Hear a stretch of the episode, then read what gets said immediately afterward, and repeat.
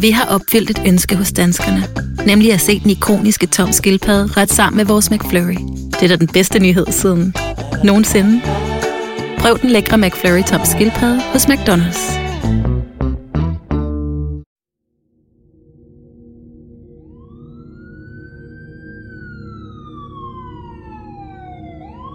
Den 13. november 1996 vågnede beboerne på Vesterbro i København op til hylende sirener.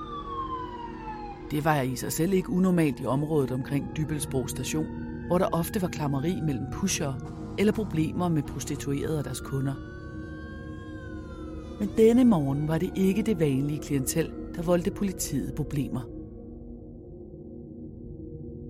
Beboerne fra en opgang i en andelslejlighed på Dybelsgade tilkaldte politiet.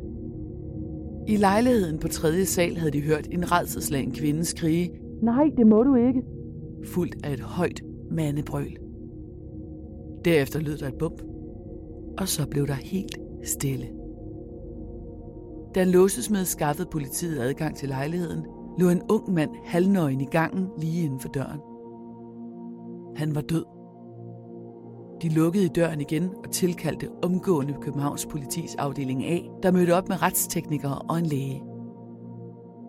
Det meste af Dybølsgade blev afspærret, og senere den morgen kunne nysgerrige naboer se hele tre borgere blive ført ud i en ambulance.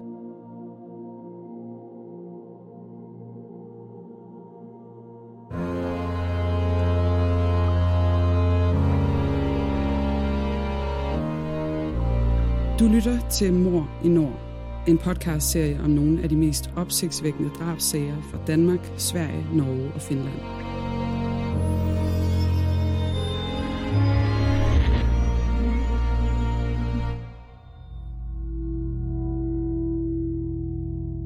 Det du nu skal høre er en virkelig historie, researchet og fortalt af Janne Ågaard og læst op af Le Gammeltoft.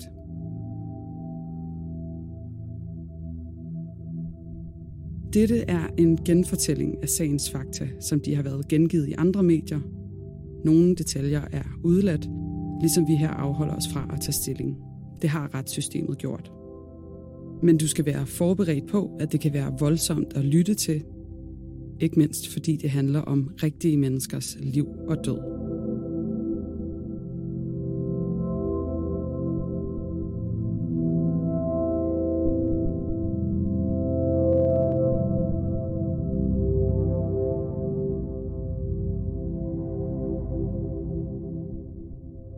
I lejligheden på Dybelsgade boede et midalderne ægtepar med deres yngste søn.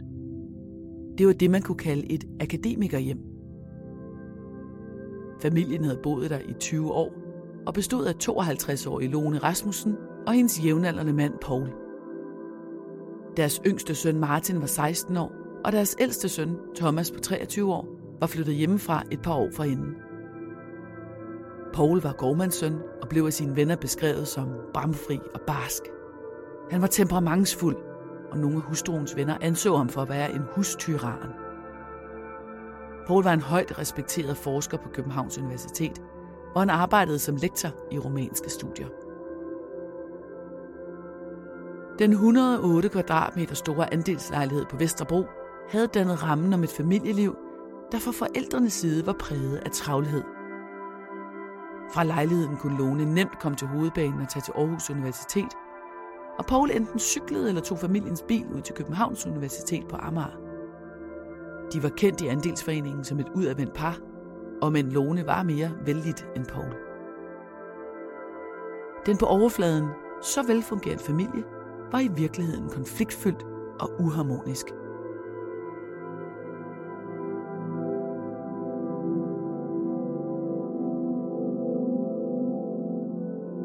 Paul var utilfreds med Lones mange timer væk fra familien. Lone underviste flere dage om ugen på Aarhus Universitet og pendlede mellem hovedbanen og Aarhus, hvor hun var gæstelektor i spansk. Lone havde en veludviklet humoristisk sans, og hendes kolleger holdt meget af hende.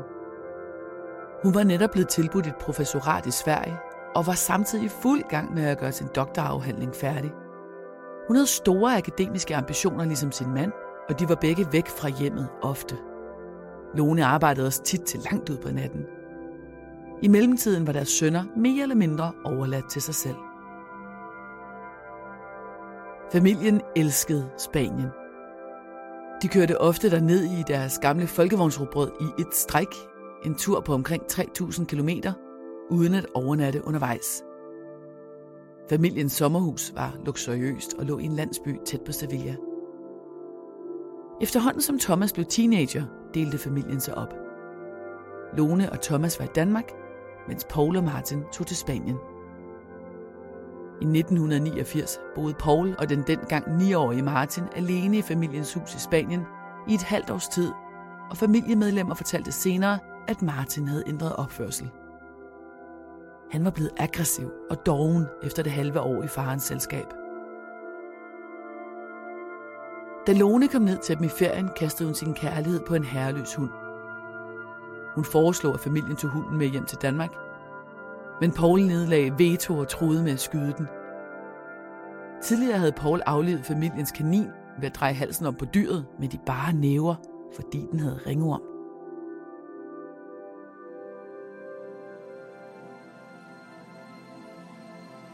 Familiens yngste, den 16-årige Martin, gik i gymnasiet på Vesterbro, og ligesom sin fars storebror var han medlem af den lokale skytteforening. Familiens ældste dreng Thomas havde læst biokemi på Københavns Universitet og samtidig arbejdet som programmør på IBM, men han var stoppet med begge dele i 1995 på grund af psykiske problemer. Thomas gik til psykolog, der efter få sessioner mente, at han burde se sig en psykiater i stedet. Men det skete ikke. Paul insisterede på, at Thomas ikke skulle i kontakt med sundhedssystemet af frygt for, at han fik en diagnose som sindssyg.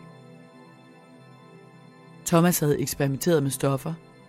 Han sagde til sine venner, at Lone og Paul ikke var hans rigtige forældre, og hans virkelige familie var fra USA. Thomas talte ofte om, at mennesker sugede energi ud af ham. Nogle måneder inden han været med venner på Christiania i København og købt hallucinerende svampe. Efter flere måneder med vangforestillinger tog Lone Thomas med på psykiatrisk skadestue på Frederiksberg Hospital.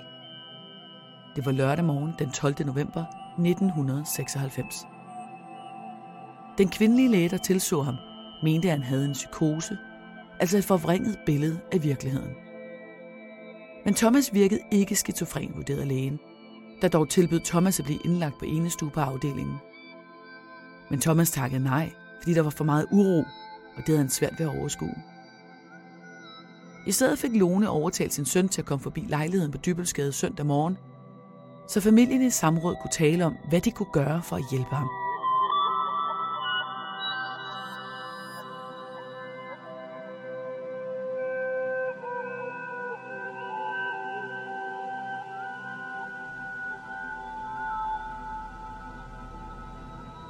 Den søndag, den 13. november 1996, tog Thomas hen til forældrenes lejlighed på Dybelsgade ved syvtiden om morgenen. Kort tid efter ringede naboer til politiet på grund af redselskrig og larm fra lejligheden. Da den tilkaldt låsesmed åbnede hoveddøren lidt før kl. 8 om morgenen, mødte der politiet et grofuldt syn. Paul lå død i soveværelset, ramt af flere skud, mens Martin lå i gangen. Lone lå livløs på gulvet i spisestuen. Først var teorien, at en af dem havde begået dobbeltdrab og derefter selvmord men de tekniske beviser afslørede, at der havde været en fjerde person i lejligheden. Der blev fundet blod for den ældste søn Thomas. Han havde været i lejligheden om morgenen, og det viste sig, at han var blevet skudt i benet. Han havde derefter skiftet bukser, taget farens bilnøgler og hans checkhæfte. Han blev anholdt samme aften med 24.000 kroner i kontanter, da han kørte galt i bilen. Inden da havde han indløst to checks ved at forfalske farens navn i to forskellige banker i Nordsjælland. Han blev anholdt og fængslet i dommervagten i København og efterfølgende anbragt på Frederiksberg Hospital.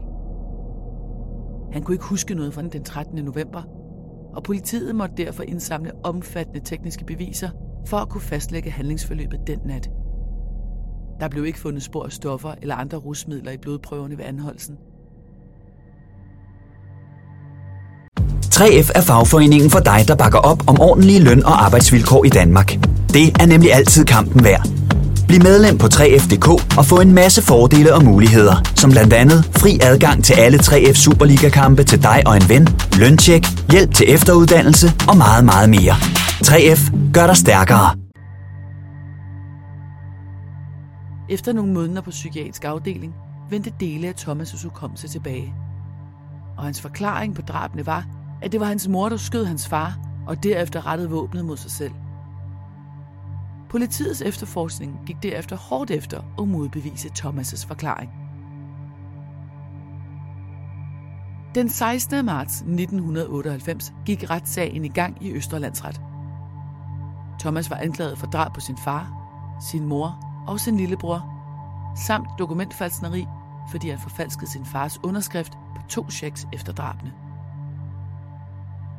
Udover at være en familietragedie, var retssagen ganske speciel på grund af de mange eksperter, der blev indkaldt.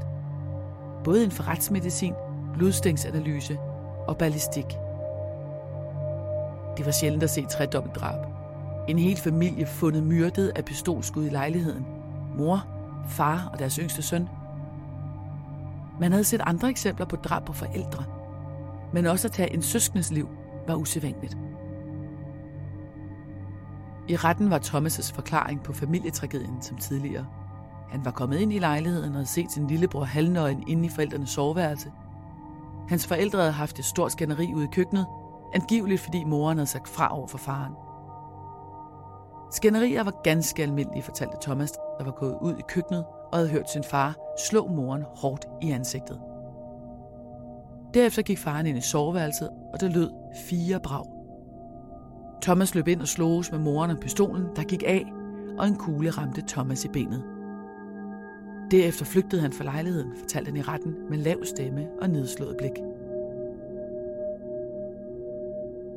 Sagen tog midlertidig en drejning, da den tilkaldte retsmediciner fremførte, at Pauls sæd var blevet fundet både i Pauls egen og i Martins endetarm.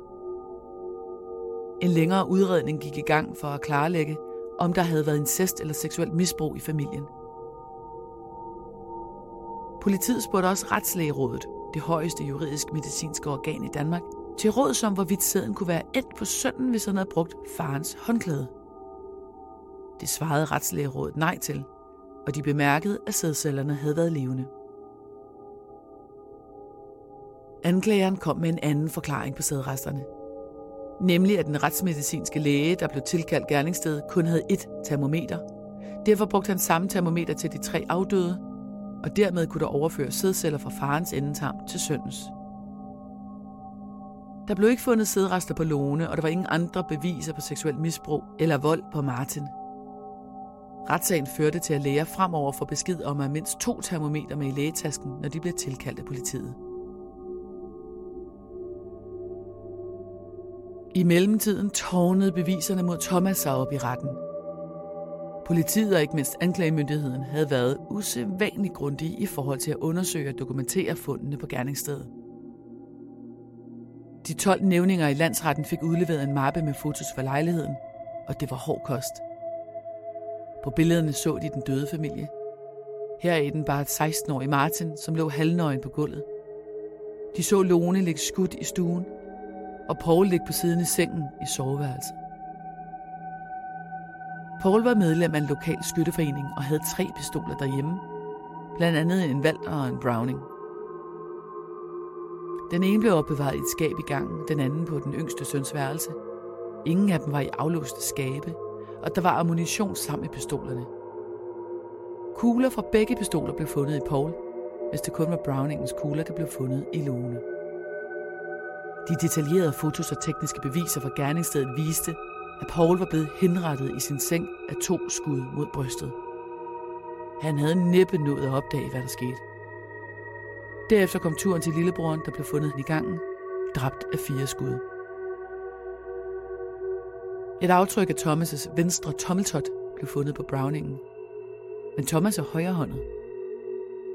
Thomas selv forklarede, at han havde kæmpet med sin mor om pistolen, hvorefter pistolen gik af, og en kugle ramte Thomas i benet.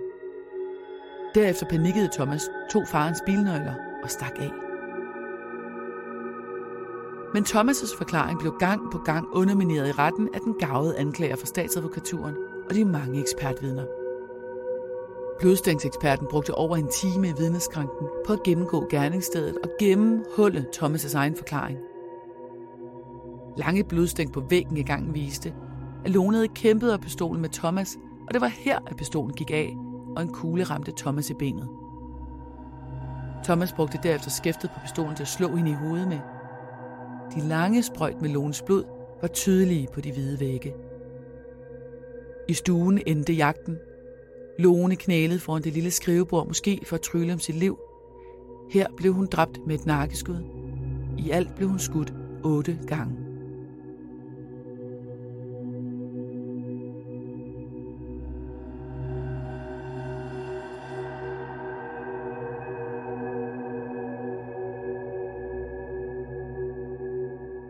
33 personer blev indkaldt som vidner. En af dem var Alex, en af Thomas' venner, som kunne fortælle om en tur, de havde kørt sammen i juli 1995. Undervejs på turen fik Thomas Wang forestillinger, og om fra bagsædet forsøgte han at rive øjnene ud på Alex, der bræt måtte stanse bilen. Han smed Thomas ud af bilen og så ham ikke igen derefter. Den retspsykiatriske undersøgelse fra Retslægerådet af Thomas var entydig. De fandt ham paranoid skizofren med personlighedsspaltning, sandsynligvis fremprovokeret af eksperimenter med euforiserende svampe. Oven i det var Thomas i forvejen en følsom personlighed, der skyede kontakt med andre. Han led af vrangforestillinger omkring sin familie, han hallucinerede og hørte stemmer, og på den lukkede afdeling fik han antipsykotisk medicin for at dæmpe symptomerne.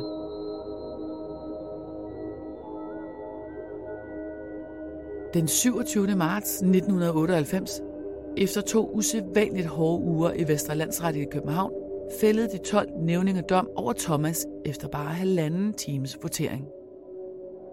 Tiltalte kendes skyldig i drabene på sin far, sin mor og sin lillebror, sagde nævningernes formand med lidt bævende stemme. Thomas blev kendt sindssyg i gerningsøjeblikket, og derfor fik han som straf anbringelse på en lukket psykiatrisk afdeling sandsynligvis Sankt Hans Hospital i Roskilde. Forsvaren havde bedt om en behandlingsdom, der kan afsones på en almindelig psykiatrisk afdeling, så Thomas kunne blive på Frederiksberg Hospital. Forskellen er, at det ved en behandlingsdom er læger, der kan afgøre, hvorvidt Thomas er rask nok til at blive løsladt, hvorimod en løsladelse ved en anbringelsesdom kræver, at sagen behandles ved en domstol. Anklageren havde også nedlagt påstand om frakendelse af arveretten, Loven siger, at den, der begår en forsætlig overtrædelse af straffeloven, som medfører en andens død, kan få frataget arveretten. Boet var en del penge værd, når man samlede værdierne for den store andelslejlighed, familiens hus i Spanien, pensionerne og livsforsikringerne. Men var Thomas syg nok til, at drabene ikke var forsættelige? Anklageren mente, at Thomas var mindre sindssyg, fordi han efter drabene stjal sin fars bilnøgle og checkhæfte – det viste forbavsende klarsyn ifølge anklageren. Thomas havde efterfølgende indløst to checks på hver 15.000 kroner, og han nåede at bruge lidt over 5.000 kroner, inden han blev anholdt.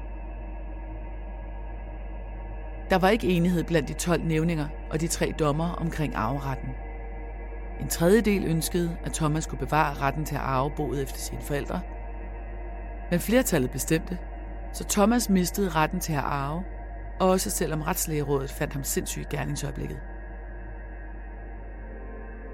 Da Thomas modtog dommen på skyldig for alle tre drab, var det med et stort suk.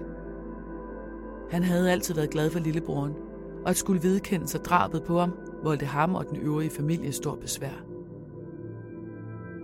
Forsvaren var efterfølgende ude at kritisere dommen i pressen. Blandt andet havde politiet aldrig undersøgt offrenes tøj for krudtslam, og det kunne have bekræftet Thomas' historie. Og i forhold til den minutiøse gennemgang af antallet af kugler og skud, mente forsvaren, at Paul havde været i stuen og med i et større familieskænderi, der havde endt med Lones død. Kort tid efter dommen i landsretten ankede Thomas og hans forsvar straffens længde til højesteret med påstand om at få ændret anbringelsen til en behandlingsdom. Men året efter i marts 1999 afviste højesteret anken.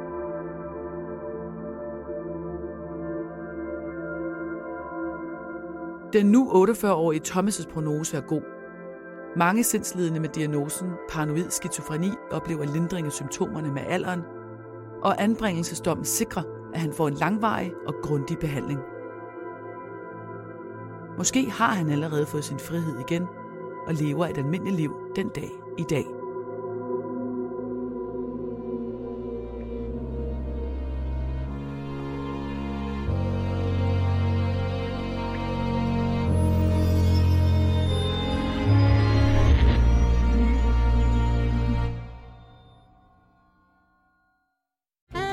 Bygge i Amerika? Ja, selvfølgelig vil jeg det. Reglerne gælder for alle. Også for en dansk pige, som er blevet glad for en tysk officer. Udbrændt til kunstner. Det er jo sådan, at de har tørt, han ser på mig. Jeg har altid set frem til min sommer. Gense alle dem, jeg kender. Badehotellet den sidste sæson. Stream nu på TV2 Play.